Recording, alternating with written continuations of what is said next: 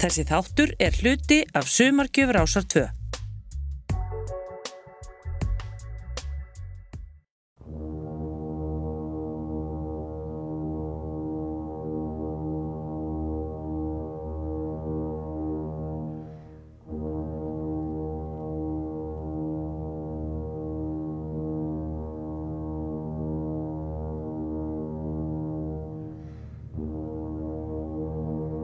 Björk Guðmundsdóttir fagnaði 50 sammæli sínu daginn og um líkt leiti voru liðin rúm 40 ár frá því hún kom fyrst fram í sjónvarpi þegar hún söng jólalög með barnakóri stundin okkar þegar Björk var 11 ára. Það má þau segja að Björk Guðmundsdóttir hafi sungið fyrir okkur nánast alla æfi og ekki bara fyrir okkur heldur fyrir allan heiminn en þeir nafn hennar þekkt um heim allan. Eftir að tónleikaferðina eftir Homogenic laug tók við nýtt ofinlegt verkefni því Björk tók að sér að leika í kvikmyndinni Dancer in the Dark í leikstjórn danska leikstjórnans Lars von Trier sem skrifaði líka handrit myndarinnar og hún var líka fenginn til að semja tónlistina. Tökur á myndinni geng ekki vel eins og Björk rækti söguna en hún stóð sér þó með príði og var þannig valinn besta leikonan á kvikmyndaháttinni í Cannes þegar Dancer in the Dark var frumsýnd þar. Myndinni var vissjaflega vel tekið en það var hún afskaplega mikið tilfinningaklám. Skrúvar upp í 11, sérstaklega undir lokin þegar Selma, verkakona sem Björk leik, var hengt fyrir morð. Músíkin sem kom út á plötunni Selma Songs hösti 2000 var þó fín til að mynda lægið af síni dól sem Björk söng með Tom York, Radiohead bonda en það var meðal annars tilnefnt til Óskarsvæluna.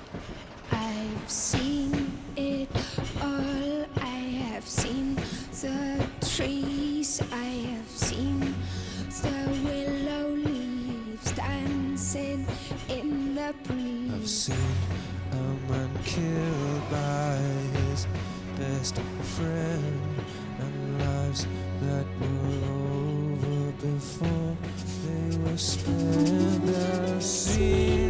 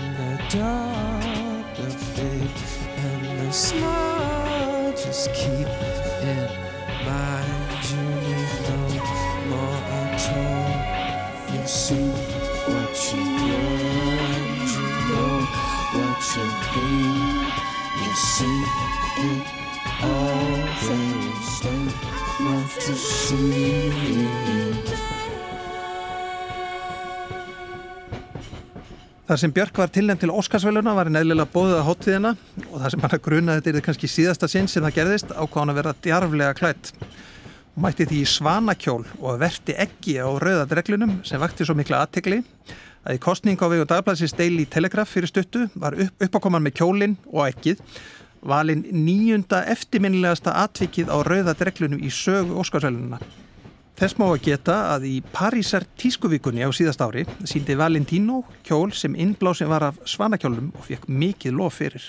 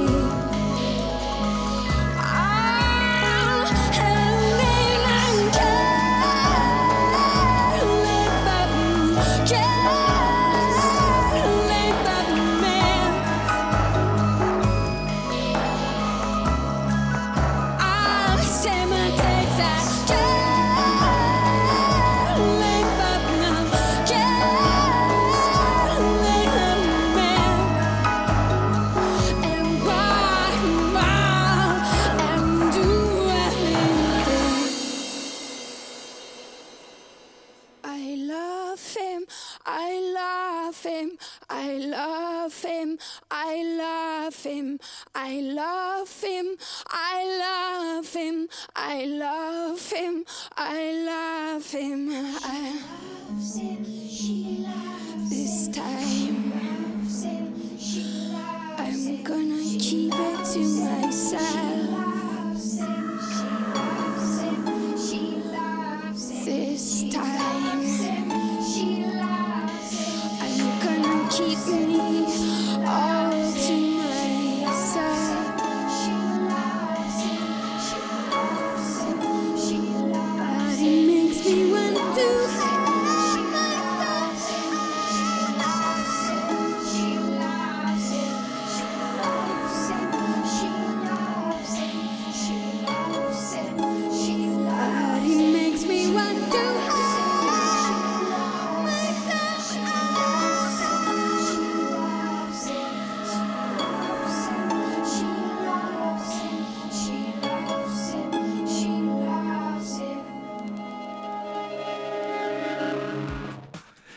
Eins og ég nefndi áðan þá var síðasta lægið af Homogenic í raun fyrsta lægið af Vespetæna sögn Bjarkar en Vespetæn var gefin út 2001. Hún var líka búin að setja á band grunnhugmyndir af nokkrum lögum með Valgeri Sigursinni og þegar hún var í Danmarku við tökur á Dansir in the Dark var Valger það líka og þau gröpu í verkið eftir því sem tími gafst. Á þeim tíma var að vinnutitill Plötunar Domestika en hún fekk svo nafnið Vespetæn. Pælingi var að gera innkverfa plötu sem byggðist mikið á kvísli, spiladósum, hörpum og kórum og sem eins konar framhaldi af homogenic eða þess að hún lísti því ákvaðan að kortleggja sjálfa sig, fyrst að utan á homogenic, ég og Ísland, rafendaljóð sem eldfjöll og ættjarðaljóð eins og hún lísti því og svo var Vespetan innkverfan. Lægið sem við heyrðum hér áðan, Pagan Poetry, er gott dæmi um það hvernig Björk horfir inn á plötunni upptekinn af innilegu sambandi hennar og bandaríska listamannsins Matthew Barnes. Vespetæn er þannig þrungin ást og einnig gegnsýr kynlífi. Gott dæmi og það var myndbandi við Pagan Poetry sem var þannig gert að Björk fekk stafræna tökuvél hjá Nick Knight, leikstjóra myndbandsins og upptökurnar úr því, sem voru sumar mjög djarfar, voru síðan unnar í tölvu svo að voru nánast óþekjanlegar. Nánast segi ég því á myndbandunum á greina eða ímynda sér kynlýsatafnir og þegar við bættist að Björk sést berbrjósta í lok myndbandsins dugði það til þess að það var bannað í bandarísku sjónvarpi. Björk settist að í bandaríkjunum og bjóð þar næstu árin. Fyrir viki var eðlilega talsvert um bandaríska áhrif á plötunni. Hún þekkti þó vel til bandarískra menningar áður en þarna var komið en segja með að áhrifin hafa aðalega falist í samskiptum og samstarfi við bandaríska listamenn. Eins og til að mynda hörpuleikarinn Sínu Parkin sem leik undir í Pagan Poetry og líka í læginu Generous Poundstroke sem er eitt besta lægið af Vespetæn sem var ekki á Vespetæn ef svo má segja því það var bara sem aukalag á japansku útgáfinni.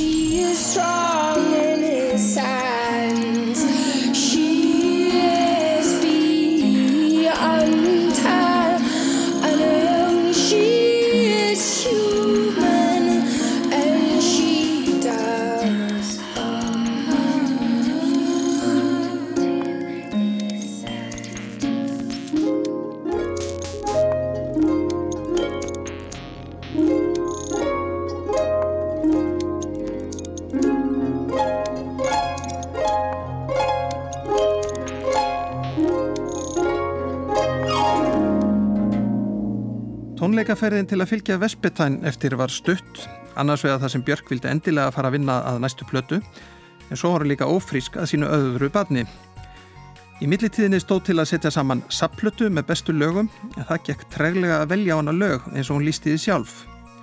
Plötufyrirtækin vildu bara Oh So Quiet, Oh So Quiet, Oh So Quiet, Oh So Quiet, 11 Oh So Quiet á plötuna og ég var svolítið svegt, sagði hún og benti á að samkvæmt því hefði æfistarf hennar bara verið lag eftir einhvern annan. Á endanum fór hún þá leið að leifa áhörundum að velja, sett var að stað könnun á vefsetri hennar, björk.com og lokinni þeirri kostningu var Oh So Quiet í 16. sæti svo hún gæti slefti með góður í saminsku.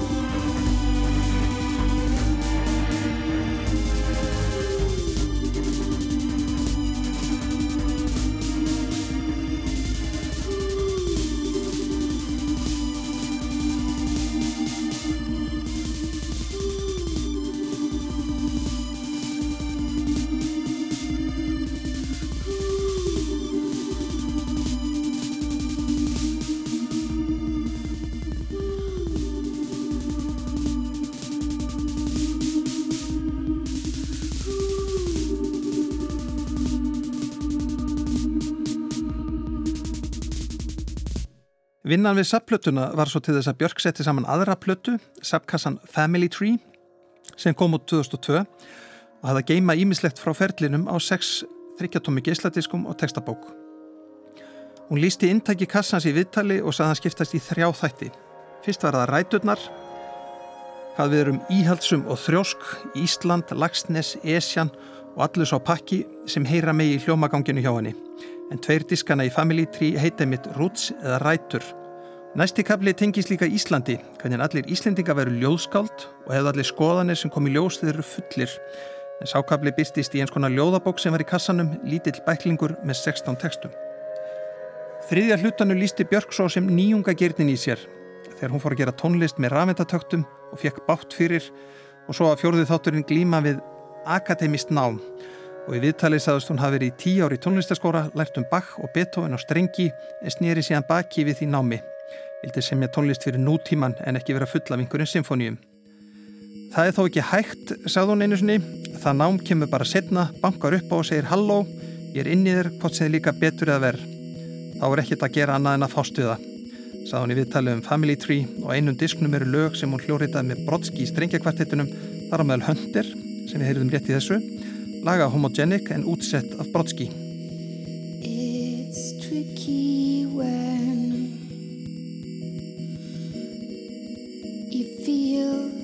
somewhere.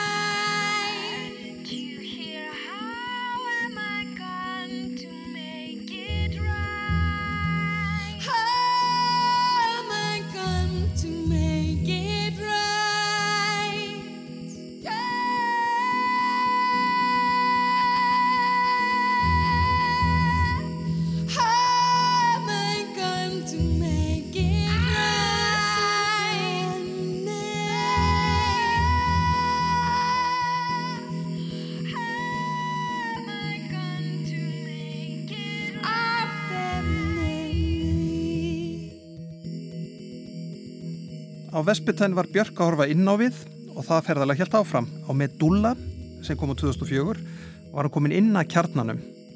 En það heitir platan Medulla sem þýðir merkur eða miðja. Þegar hann byrjaði vinnu við þá plötu langaði hann að fækka hljóðfærunum enn og ekki bara fækka þeim, hún vildi sleppa þeim algjörlega og byggja plötun upp á röttum yngöngu. Þegar hann fór svo að taka hann upp var hann þó ekki ánað með útkomuna og endanum var vélað með ratirnar í tölvum eins og heyra mátt í upphástónum í læginu Desired Constellation sem hljómaði hérna og svo heyrist þú líka í stöku hljóðfæri á plötunni. Hljóðgerfli í einu lægi, píjana á í öðru og smá slagverki í þriðja. Á Desired Constellation sem vorum að hlusta á er til að mynda notast við tölvuna upptök af því er Björk syngu textalínu og læginu Hidden Place af Vespetine. Í viðtali við Sigurbjörgu Þrastadóttur saði Björk að Medulla væri fyrsta plataðanar þar sem pólitíst ástand í heiminum hefði aðeins áhrif á lagasmíðanar. Við lifum á merkilegum tímum, sagðun. Það er skrítið, gamla karlmanna íhaldið virðist að vera kikna í njánum og spurning hvort er kikni alveg eða haldi völdum áfram. Í Cradle fjalla lokalínunar einmitt um stríðið gegn hriðiverkum sem Íslendingar auðu þáttökundur í með því að slást í hópi með bandalagi hinn að viljugu þjóða eins og það kallað. En í læginu syngur hún um það að hún þurfi skjól frá ósömmum og búsum heimsins. Bandarísku áhrifin eru sterkar á plötunin á fyrri skífum, eins og ég nefndi, Björk nota til að mynda text og ljóð eftir í Cummings í einu lægi, en hún vinnur líka með bandarískun tónlistamönnum, eða kannski réttar sagt rallistamönnum í samhengi plötunar allavega. Mike Patton og Faith No More og Russell og Roots, og svo er líka breytarnir Robert Wyatt og Slomo og japanski rallistamöðurinn Dokaka.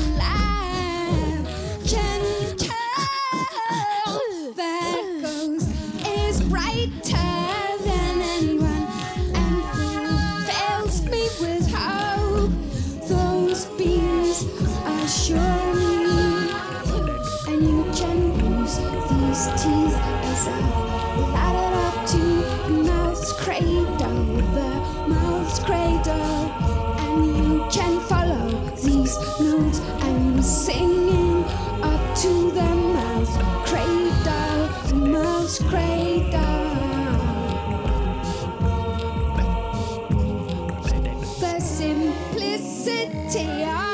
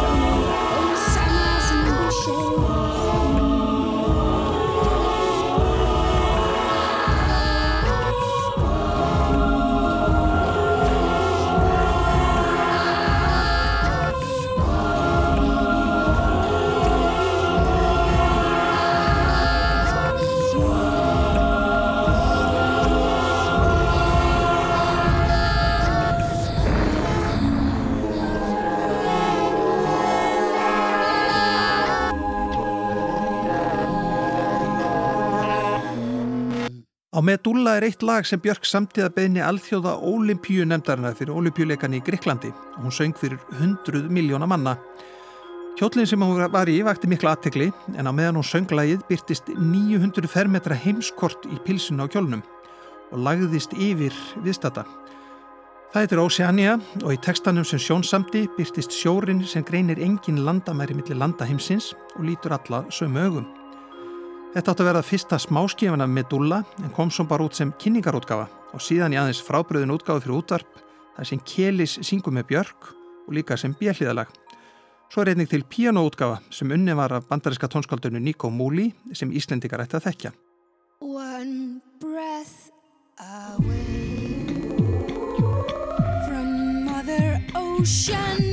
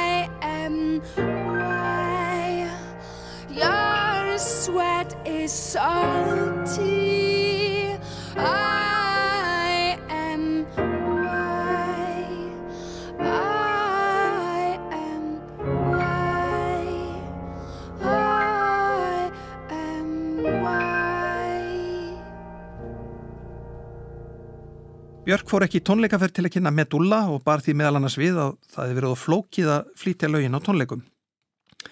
Næsta verkefni sem hún snýri sér að var Drawing Restraint 9.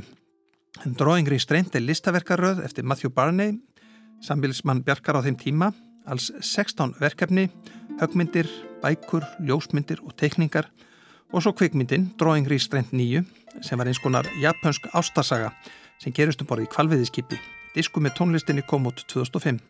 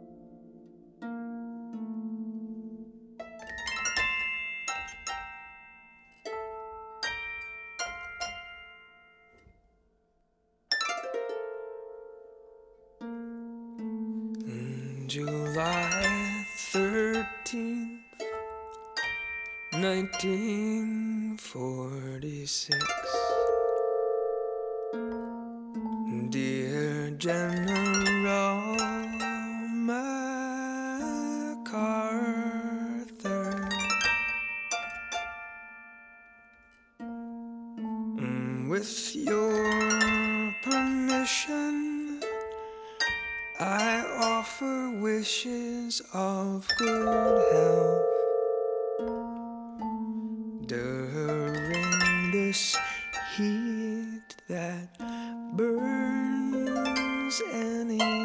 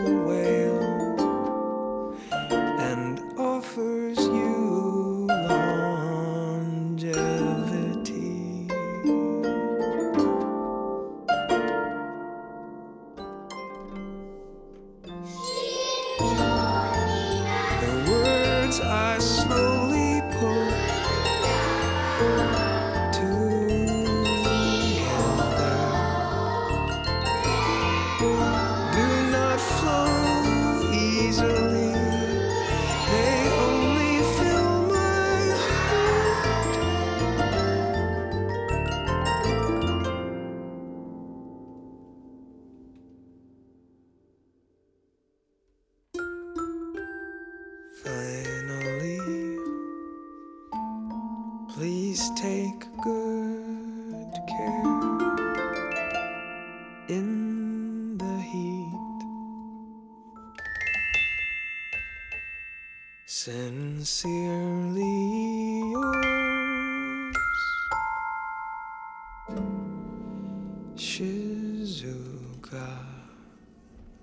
Björk samti tónlistin í myndinni og saðist hafa lagt sig eftir því að hafa japanskan blæ á henni, eins og heyrist í þessu lægi sem Will Oldham syngur engar vel. Í nokkrum laga plötunar eru blásarar í aðalhutverki og minna náttúrulega á upphæflegar hugmyndir að debut, en Björk gatt þess einnig í viðtali að hún hefði sökt sér í japanska menningu sem ungmenni og því má kannski segja á dróingri streint renni saman þessi tveir þræðir. Að því sögðu þá er mitt uppáhald á plötunni lag sem er engar íslenskt eiginlega eins og íslenskt óviður til sjós.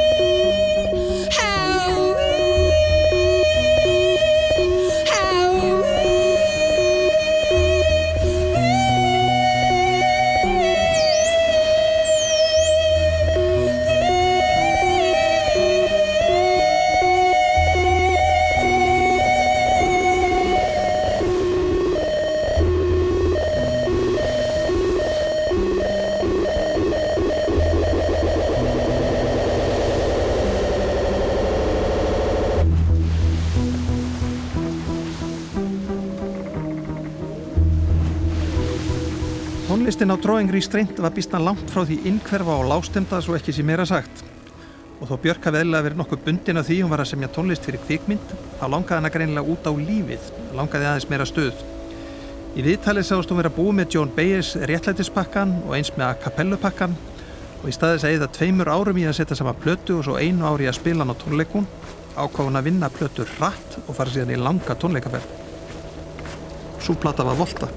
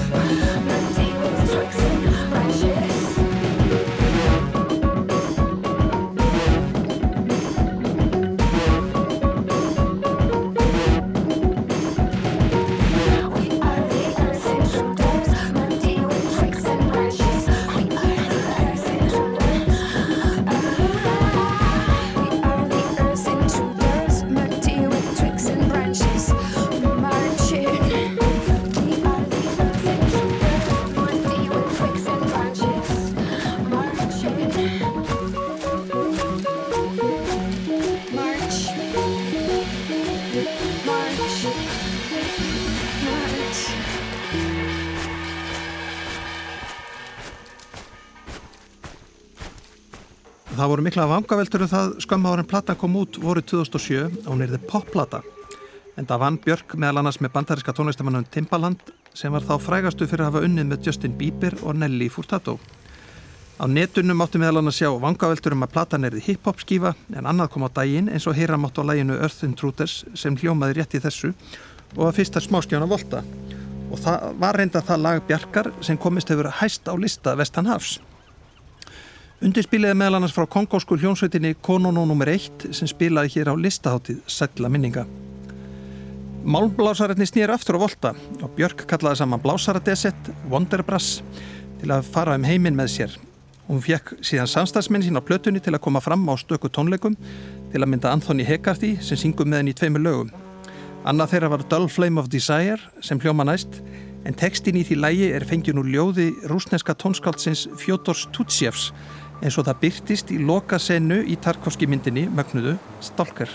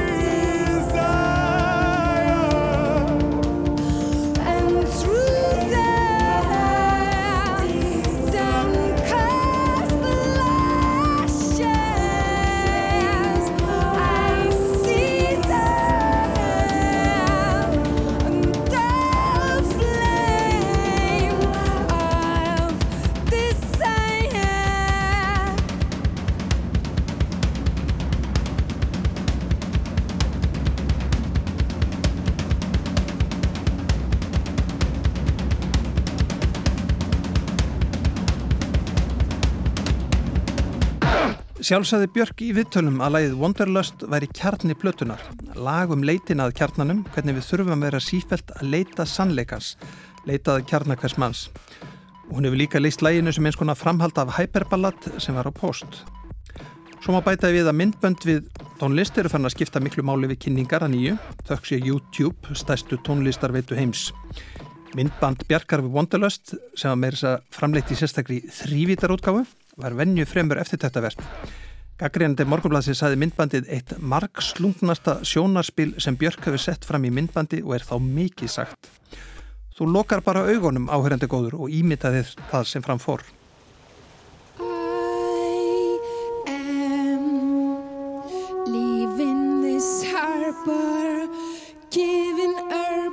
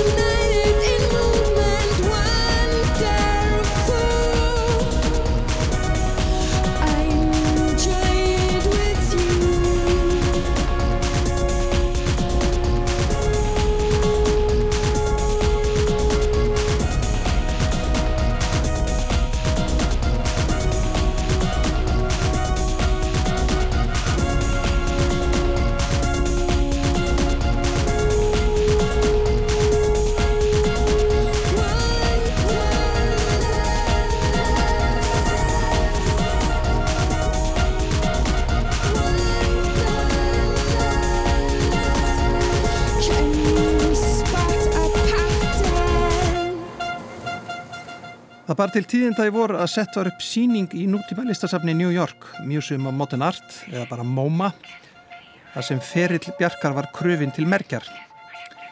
Segjum meira frá þeirri síningu síðar, en heimsókn þangað er rivjuð upp hér að á síningunu er byrtar minnisbæku Bjarkar og þar mátti til að mynda að lesa eitthvað á þá leið eftir að Björk kom heima af messiantónleikum, skrifaði hún að á tónleikunum hefði hún sannfæst um og hún gæti gert plötuna biofíliu og allt það sem hún kallaði á.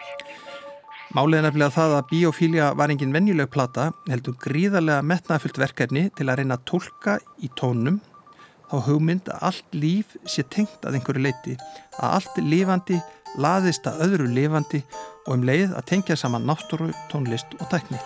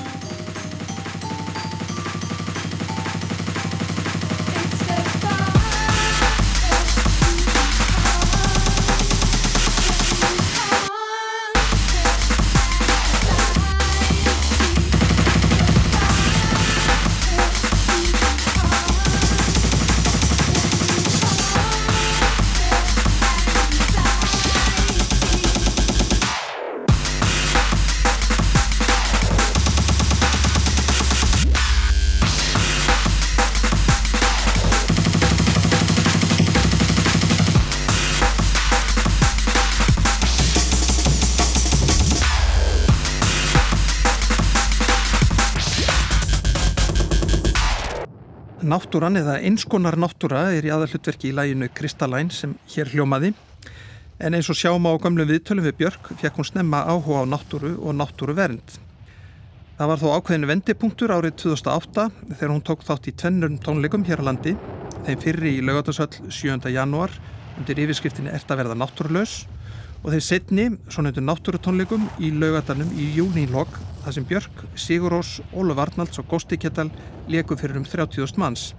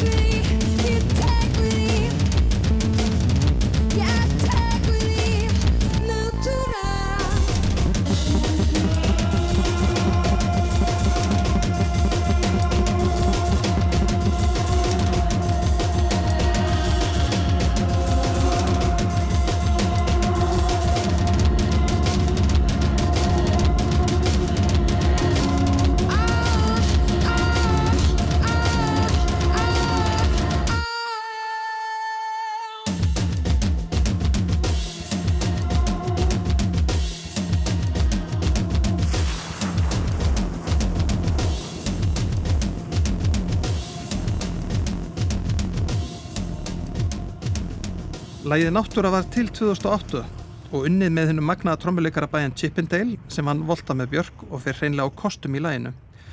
Það var svo gefið út rafrænt 2008 og síðan á Vínil 2009 en var svo sem aukalag á luxusútgáðu Biofíliu. Náttúruverdarheyfing setni tíma sem Björk og fleiri listamenn tengjast, auk þúsunda landsmanna, kviknaði í kjölfarið á Káranhjókavirkjum og þeim yfirgangi sem byrtist hjá ráðamönnum varðandi það verkefni. Í viðtælum biofíli árið 2011 barst talið einmitt að þáttöku bjarkar í baróttu gegn stóriði og rísjavirkinum og þá sagði hún að nú var í tækifæri til að taka auðbegju út úr úrreldum 20. aldar gildum beintinn í framtíðina. Við getum snúið hindrun í tækifæri sem rýmar óneitalega við það sem hún sagði um gamla Karlmanna íhaldið í viðtælinu vegna Metulu 2004.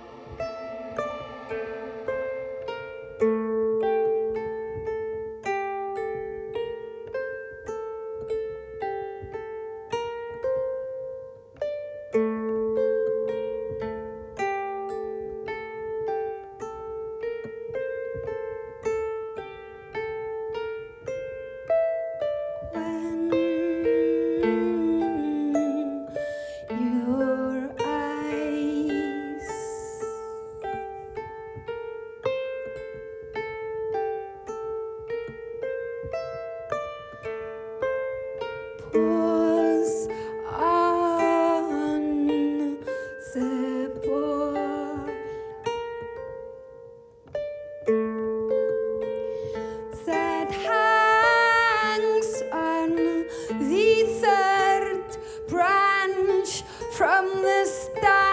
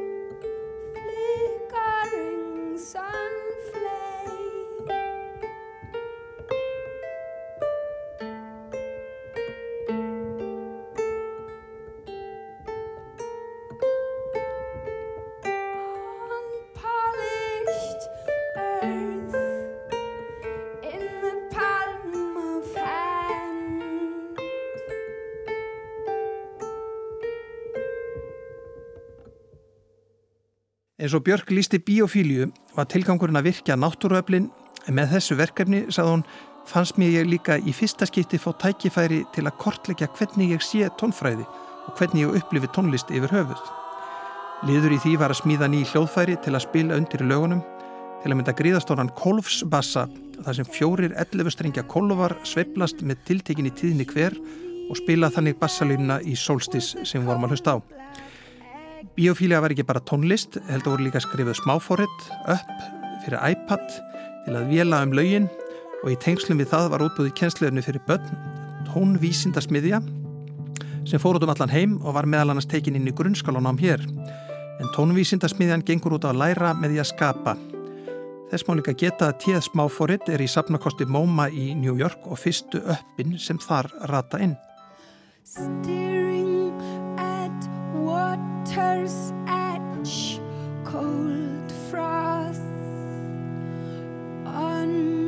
my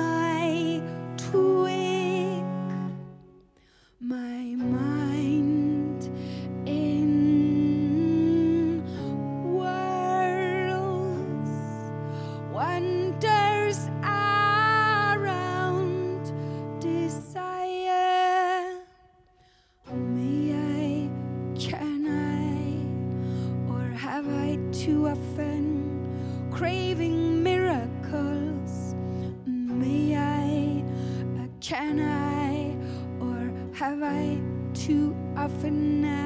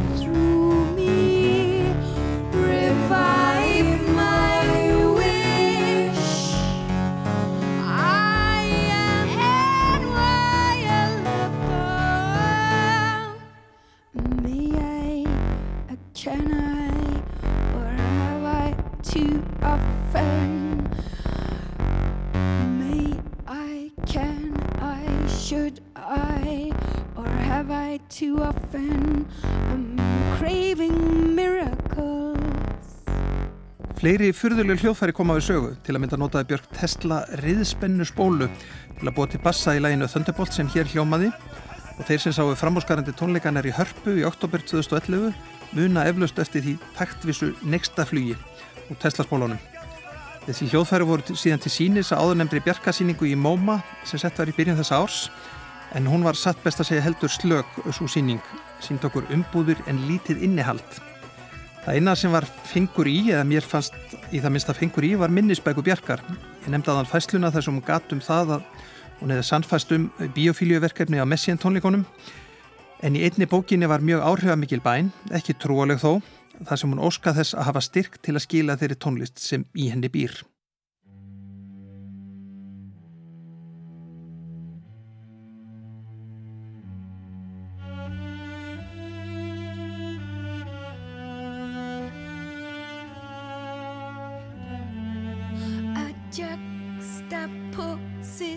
shining face.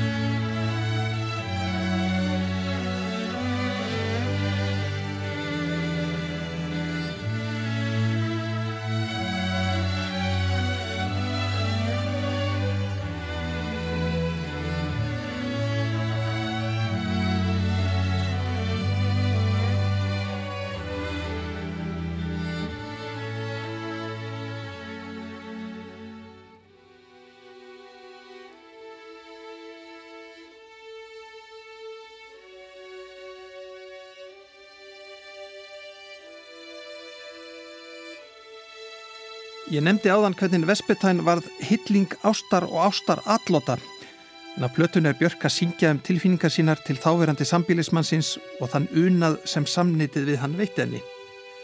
Volnikúra sem kom út í byrjun þessa árs er einn myrka hlið Vespetæn, skuggahliðin og eftir gleðinni og voninni sem gegn síri Vespetæn komu vonbriði og bíturð, sársöki og reyði þegar þau slitu samvistir. Í bæklingi plötunar kemur vel fram hvernig plata var til og hvernig hún skráir það hvernig sambandi leysist upp. Fyrstu þrjú laugin á plötunu urðu til þegar Björk er búin að átta sig á því að sambandinu verður ekki bjargað. Stónmilker sem við heyrðum í áðan er þannig tímasett nýju mánuðum fyrir skilnaðin.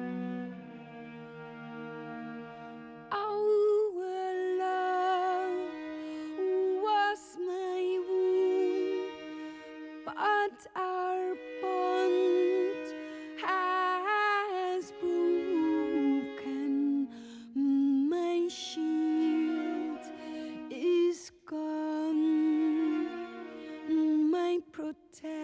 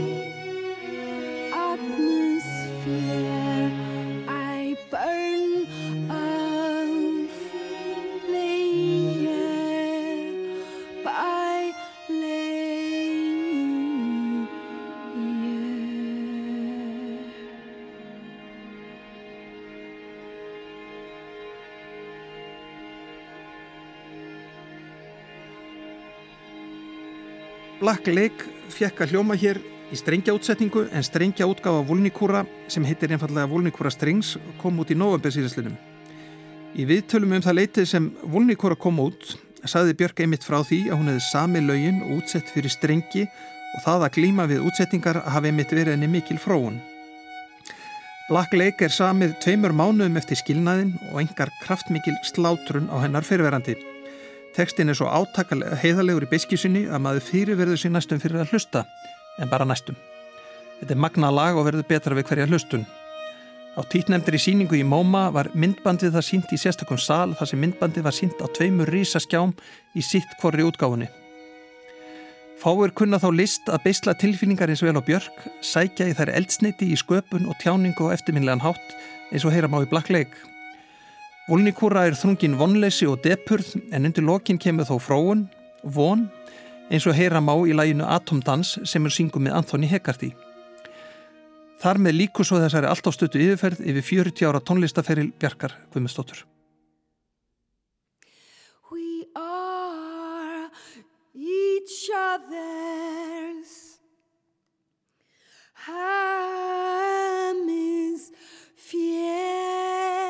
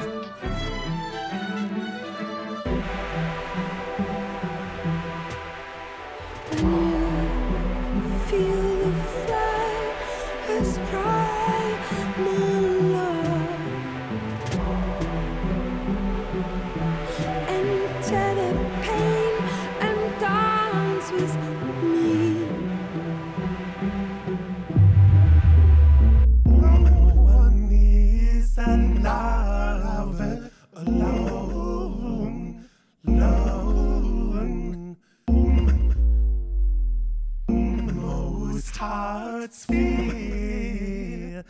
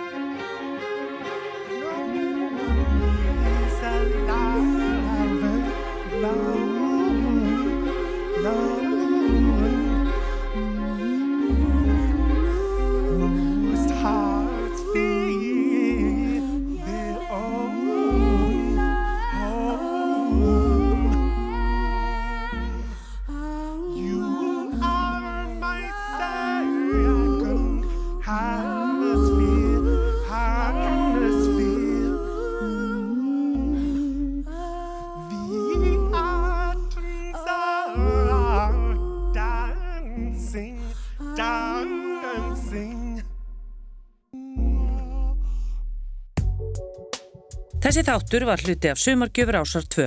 Þú getur nálgast fleiri þætti úr safnir ásar 2 í spilaranum á rúf.is, í rúf appinu fyrir snjaltæki og öllum helstu hlaðvarp sveitum.